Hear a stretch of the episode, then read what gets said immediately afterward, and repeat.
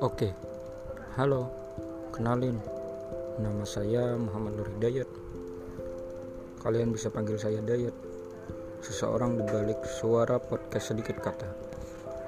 Podcast ini saya buat untuk memperkenalkan karya buatan saya sendiri dan juga beberapa dari penulis terkenal, baik itu puisi atau bahkan cerita.